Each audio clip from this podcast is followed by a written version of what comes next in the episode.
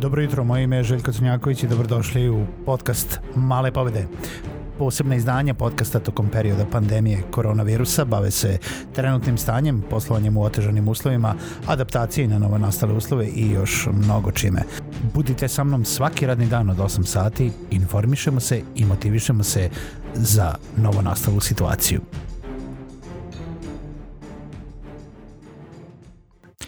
Pozdrav svima i dobrodošli na novu epizodu podcasta Male pobede. Moje ime je Željko Crnjaković, a vama, dragi slušalci, želim da se zahvalim što ste i ovo jutro i ovaj dan i ovu epizodu sa podcastom Male pobede. Evo, guramo preko 300 epizode. Želim da posjetim svakoga da posjeti sajt malepobede.rs i da se prijavi na newsletter, da pogleda sve ili da posluša sve epizode, da se subscribe-ujete na podcast, da me podržite na Patreonu, da upišete neki kurs ili da sami počnete da pravite svoj podcast, sve u svemu. A ako ni ništa drugo, naći ćete nešto za sebe. Danas još jedan specijal, još jednom ovaj, imam gosta. moj gost je nešto malo dalje nego obično. moja gošća, tačnije, Mirjana Fiolić iz Zagreba. Mirjana, čao, kako si? Ćao! Jeste dobro, ne? Jes, Pozdrav, pozdrav Željko, jako mi drago te čujem, stvarno si živahan, a i hvala ove, ovaj, što si me ugostio u svom podcastu. Pa mi smo se dugo dogovarali da se povežemo nekako i onda smo se uspjeli povezati e, ovako kad su nastupile sve ove nedaće, lakovit, e, zemljotres. Pa to je sad imamo vremena, znaš, što tako pa ide. Kao. pa tržišta. Da, da, I onda da. tipovi kad fu- funkcioniramo, kad sve padne, onda mi dobijemo onako energiju da sve dižemo, jel To, e, to, je to. To je to. to, je to. Mirjana je inače predavač na viš, e, visokoj poslovnoj školi u Rijeci i inače edukator na različitim programima preduzetništva. Također i urednik portala mojbiz.com. Tako da sa Mirjanom ćemo da pričamo malo o preduzetništvu. Mirjana, kako je stanje? U stvari, šta je za tebe preduzetništvo? idemo dva koraka, ono tipa od početka. Kao, ne, kao pred, e, predavač, edukator, nikada nisam imao predavača edukatora koji se bavi preduzetništvom. Šta je za tebe preduzetništvo? E vidiš, ovo što si zadnje rekao, nikada nisam imao edukatora koji se bavi preduzetništvom ili poduzetništvom. to, je, to, to si dobro zapravo, naše generacije su za to zakinute. a u biti je to dosta važela. A istovremeno je važno da taj predavač predavačica e, budu povezani e, i akademski i e, tržišno, jela, znači mhm. da rade negdje i da zaista prolaze poduzetničke procese i projekte, a i da istovremeno i imaju taj nekakvu akademsku pozadinu. E to je ono što ja radim i to je ono što ja volim raditi. Ja jesam poduzetnica, ja zaista imam svoj poslovni subjekt, to je obrt, jel da, mhm. znači registrirana sam i istovremeno predajem ono što sama prolazim u praksi i ono što moji prijatelji poduzetnici prolaze u praksi i ono što svi zajedno prolazimo u svim mogućim i nemogućim uvjetima. To je zapravo Evo... fantastično, izvini, prekinuću te, zato što kod nas se puno priča o, o predavanju i učenju preduzetništva, čak se priča da će preduzetništvo da uđe u neke najranije oblike školovanja, znači da li u osnovne škole, u srednje škole, zato što ljude treba učiti preduzetništvu, ali zapravo evo u Hrvatskoj se već to predaje kao, kao preduzetništvo, naravno i kod nas je to na nekim višim ustanovama, koliko postoji interesovanja od strane e, mladih da, da se opredeljuju za, barem slušanje predmeta za početak, pa ćemo poslije da pričamo o samom ulasku u preduzetništvo. E, to vam prvenstveno ovisi kako, kako koncept napravi predavač. Može biti jako dosadno, mhm ali ako ste vi srcem i dušom, kao što si Željko u svom projektu srcem, dušom i svim mogućim, i obitelji, i novcem, i, i svime što imaš, i ja isto tako, u tom poslu, u poduzetništvu, onda će ta predavanja biti jako zanimljiva. Ako si mhm. dobar pripovjedač, prenositelj, poruke, vrlo jasan, koncizan, onda su predavanja jako zanimljiva i onda su ti dvorane pune i to se događa. Međutim, velim, opet je razlika. Eh, ti moraš kao eh, predavač shvatiti generaciju koju predaješ, mhm.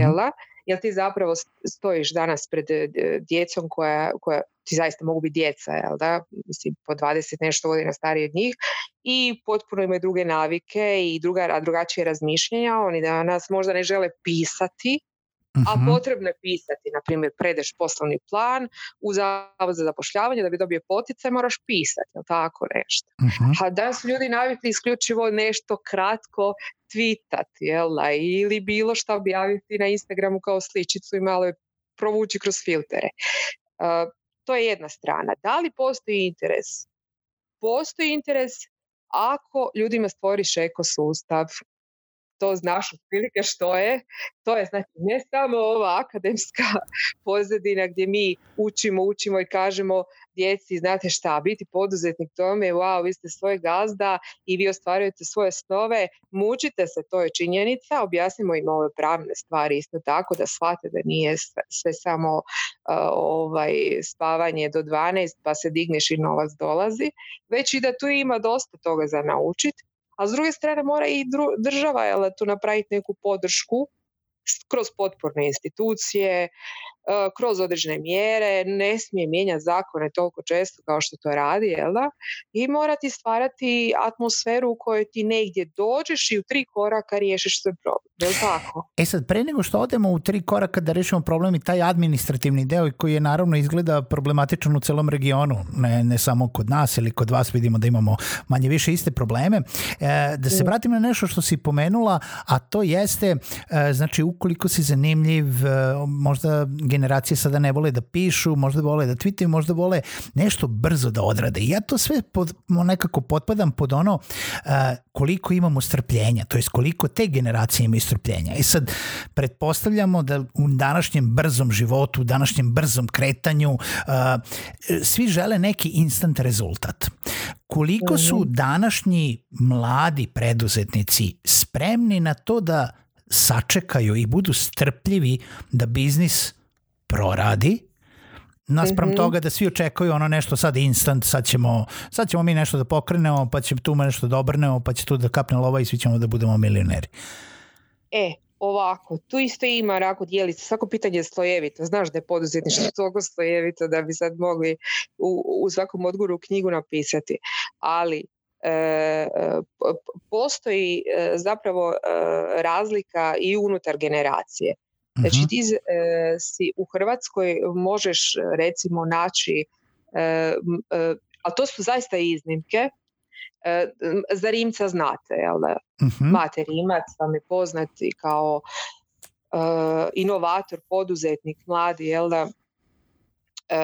ali pojavljuje se recimo i konkretno jedan dečko koji se zove Gajšak iz Karlovca i nije htio ići na fakultet, već je otvorio svoju firmu. I kaže on ovako, mama je rekla da da šta će biti sa mnom jer ja sad nisam dalje krenuo na fakultet, eh, a pokrenuo sam svoju firmu i napravio sam izum koji su doslovno na svim američkim jela, konferencijama cijenili kao jedan od najboljih proizvoda prije nekoliko godina. A to mhm. je Maker Buino. Mhm. E, eh, što ti hoću reći? Hoću ti reći da zaista Eh, mora funkcionirati taka fantastična sinergija između profesora koji te potiče uh između države koja te eh, također potiče ti se zapravo dijete ono ajmo reći dijete u pelenama doslovno vizualiziraš tako svakog malog poduzetnika i krećeš od najniže razine a to je već osnovna škola mhm. ja to sad ne govorim na pamet ja sam pokrenula jedan program u Hrvatskoj 2008. godine, zvao se Dječji tjedan poduzetništva i tada smo poučavali djecu 12-godišnjake e, o to o poduzetničkim pojmovima.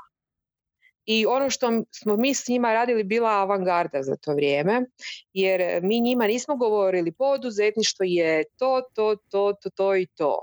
Novac je ta, ta, ta. Ne, mi smo s njima igra, mi smo se s njima igrali. Znači, došao je dramski pedagog i mi smo napravili predstavu o novcu i o korisnosti štednje. uh Crtali mentalne mape. To ti je taj pristup. I kakva je bila reakcija rekli... Ma izvrsno, oni su poludili za poduzetništvo. Njima je to bilo fantastično. E, iz takve strukture ti se može nešto razviti dalje.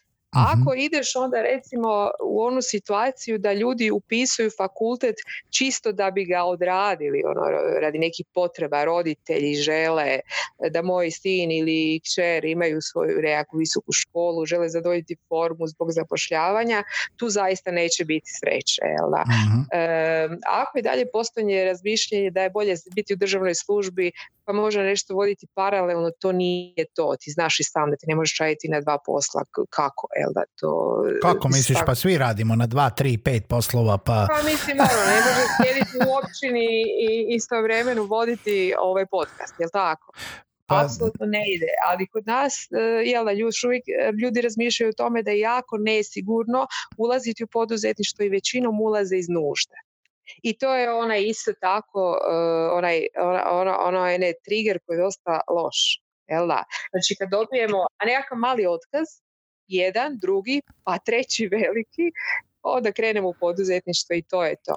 Jeste, pazi, sa jedne strane ja sam uvijek pričao ljudima da još pogotovo od neke 2013. kada smo ušli u freelance, kada smo počeli da radimo online, kada je region postao onako nekako svestan toga da možeš da radiš na globalnom tržištu, da ne moraš da radiš za nekoga, pa to su neki početci preduzetništva, sad da li ćeš otvarati firmu, to je već posle na tebi, da jeste preduzetništvo jedno rešenje za onaj sistem cele nezaposlenosti gde svi sede kući i žale se kako nema posla, kako eh, država ne može da mi nađe posao ili, ili neki preduzetnici drugi ili firme ili velike kompanije ne mogu da mi obezbede posao i onda se žalimo i žalimo i eh, sav taj jad nekako ono tipa prenosimo na druge, a zapravo preduzetništvo daje jedan alat da ti sam mhm. sebi možeš da obezbediš nešto. E sada, sa druge strane, ti ja smo pričali pre podcasta, preduzetništvo nije za svakoga, jer eh, ima tu mnogo odricanja i mnogo energije koje treba da se uloži koja nije nužno da će ti se monetarno vratiti nazad i financijski. Shodno tome koliko su mladi danas oni, oni sa kojima se susrećeš na uh, jel da, kroz, kroz školovanje e, spremni i svesni jel da, šta ih čeka kad ulaze u preduzetništvo? Koliko su spremni na preduzetništvo? E, nisu spremni, Mm-hmm. E, ako, ako kreću, evo recimo tu postoji jedna zanimljiva interakcija, to ti je nekakva gena, i okolina, pozadina. Ako je obitelj poduzetnička, to se često puta potvrdilo, ako je dijete, student potekao upravo iz takve obitelji, on će krenuti zaista i dalje tim poduzetničkim putem, naviko je na taj stres, naviko je na padove, naviko je na neuspjehe, naviko je na uspjehe, naviko je na sve ono što donosi jel da, poduzetništvo, naviko je na jako malo komocije, jer poduzetništvo ne donosi onaj, ni jahte, ni mercedese, ako ga radiš na onaj pošten, pravilan način, A zapravo onda kreće e, vrlo lako na taj poduzetnički put jer mu je poznat. uh Ovaj drugi ili neka druga kategorija, on se zapravo e, još dvoumi jer čuje jako puno, naravno puno ovih negativnih e, glasova, to nije dobro, propašćeš, izgubit ćeš novce, on će radije uložiti u kriptovalute nego kretati nekim drugim putem, jel tako? On će radije biti taj ulagač nego izumitelj, inovator, mhm. na primjer a inovatora mladih ima dosta u Hrvatskoj jako e, zanimljiva struktura se pojavlja među mladima E, a ono što će ti biti e, još zanimljivije e, od svega je to da će se zapravo u cijeloj toj znači mlađoj generaciji profilirati malo izvrsnih poduzetnika, ali će biti u vrhu svjetskom. Mhm. To je po meni nekakav potpuno zanimljiva, zanimljiva situacija. Profilira ih se malo, ali zato toliko visoko skoče svojom genijalošću i upornošću i jedinstvenim stavom i, i razmišljanjem da su jedini ono praktički u svijetu po nečem. Pa to je onda stvarno uspeh, u, barem u tom smislu, jer kažemo uvek ako pomognemo barem jednoj osobi, onda smo napravili neko dobro delo.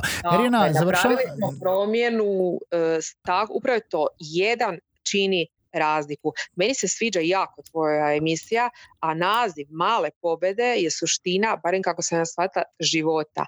Mali koraci, male pobjede rade put ili ploč, ono, popločavaj put do uspjeha. To je smisao. Vidi, ne moram e, na, da ni naobjašnjavam objašnjavam kao ime, svi su me skontali, bravo Mirjana, imaš jedan bonus od mene. Ovaj, evo za kraj podcasta, kaži nam šta je potrebno, šta su neki ključni, navela si neke, ali neki ključni elementi za mlade koji se opredele na preduzetništvo, šta im je potrebno za uspeh? onako, što mogu sami da donesu. Naravno ne, ne zavise, zavise i od jel da, državnih institucija i od okruženja i od svega, ali šta oni treba da donesu? Oni trebaju prvo živjeti neuspjeh, to je prvo. Za uspjeh je potreban neuspjeh. Iz toga se najbolje nauči. Iz prvog pada na koljena, znaš ono kad si mali hodeš, padneš dobro, drapiš koljena, e, prvi plać, drugi put neće biti toga. Najbolje lekcije upravo prolazi s toga. Ti moraš pokušavati, jel da? E, nitko od nas nije jedinstven, znači svi smo različiti i neki smo ono, neki smo po karakteru jako nesigurni, e, neki se teško ovaj, suočavamo s promjerama, neki teško shvaćamo da je promjena jedina konstanta, a to je poduzetništvo, jel da? I ja onda kažem, uđite u poduzetništvo, probajte, ali ono što je isto dosta važno i možda iznad svega učite, čitajte, slušajte one koji su prolazili neko e, poduzetništvo, a to su mentori, to su raditi podcasti kao što je tvoj podcast, kao što je jako puno YouTube e, kanala koje možeš slušati svaki dan, e, isto tako čitajte, upijajte i primjenjujte odmah u praksi. Ali po meni ja mislim da je e, najveći put do uspjeha upravo nizanje tih stitnih neuspjeha i lekcija, ono, lekcija koje ćeš naučiti. Pa to je jedna fantastična poruka, a slušalci ja ću vas ostaviti sa jednim uh, isečkom iz, ako ko nije gledao film Startup Kids, kada pitaju ljudi oko sebe, kao, kao vidiš sve ove ljude oko mene, e, svi oni su doživjeli neuspeh i ako nisu, onda će da propadne ovaj projekat na kojemu pravo rade i na tome će doživjeti neuspeh. Tako da ja bi ipak rekao nemojte tako gledati, mislim naravno da neuspesima se najbolje uči, ali nemojte odmah da mislite da će vaš prvi, prvi put da, da bude neuspeh, možda i bude uspeh kao takav. Možda mislimo samo i Mirjana na one neuspehe u okviru jednog posla, ne mora baš sve da bukne, jel da ono tipa u, ne, plamenu. Ne, odmah, da, znaš, ono da, odmah da, odmah pukne, nisam ni ja sretna s tim, ali e, ja samo hoću reći, mi smo ta mentalitet, znači i Hrvati, i Srbi, i Bosna, sve, sve ovo, ovo naše područje, mi tako ne volimo neuspjeh i mislimo da je to najgroznija stvar na svijetu, da je to po meni upravo smiješno. E, vani van imaju takozvane, ne znam, e, slave, takozvane večeri neuspjeha, jel da? Ili kako sam e, izgubio projekt. I onda pričaju doslovno, jer tržište je nepredvidivo i ne možete vi ništa zacrtano raditi ništa nije doslovno zapisano u kamenu. Znači, dođete na tržište, imate fantastičnu ideju, isprobali ste i napravili istraživanje, napravili projekcije, sve super, međutim, put nas nešto pokosi. Evo, pogledaj samo koronu i ovu cijelu situaciju. Do jučer je turizam bio eh, bila takva djelatnost da smo se svi bogatili na tome, e, razvijela se cijela ekonomija, niko E, jednu takvu pandemiju nije računao kao vanjski faktor ili takozvanu prijetnju. Ajmo reći, kad radiš svot analizu, radiš i prijetnju, jel da? Niko nije rekao pandemija može biti prijetnja, bolest može biti prijetnja. Apsolutno e, to je ono što ja kažem. Uvijek postoji nepredvidivi efekt, zato ti neuspjesi i nikada ih ne, ne treba shvaćati kao tragediju i E, idemo sad odmah, skačemo kroz prozor i gotovo jeste, jel da? Ne, nego idemo na sljedeći projekat. Idemo hvala ti lepo što si bila gost u ovoj epizodi podcasta Male pobjede.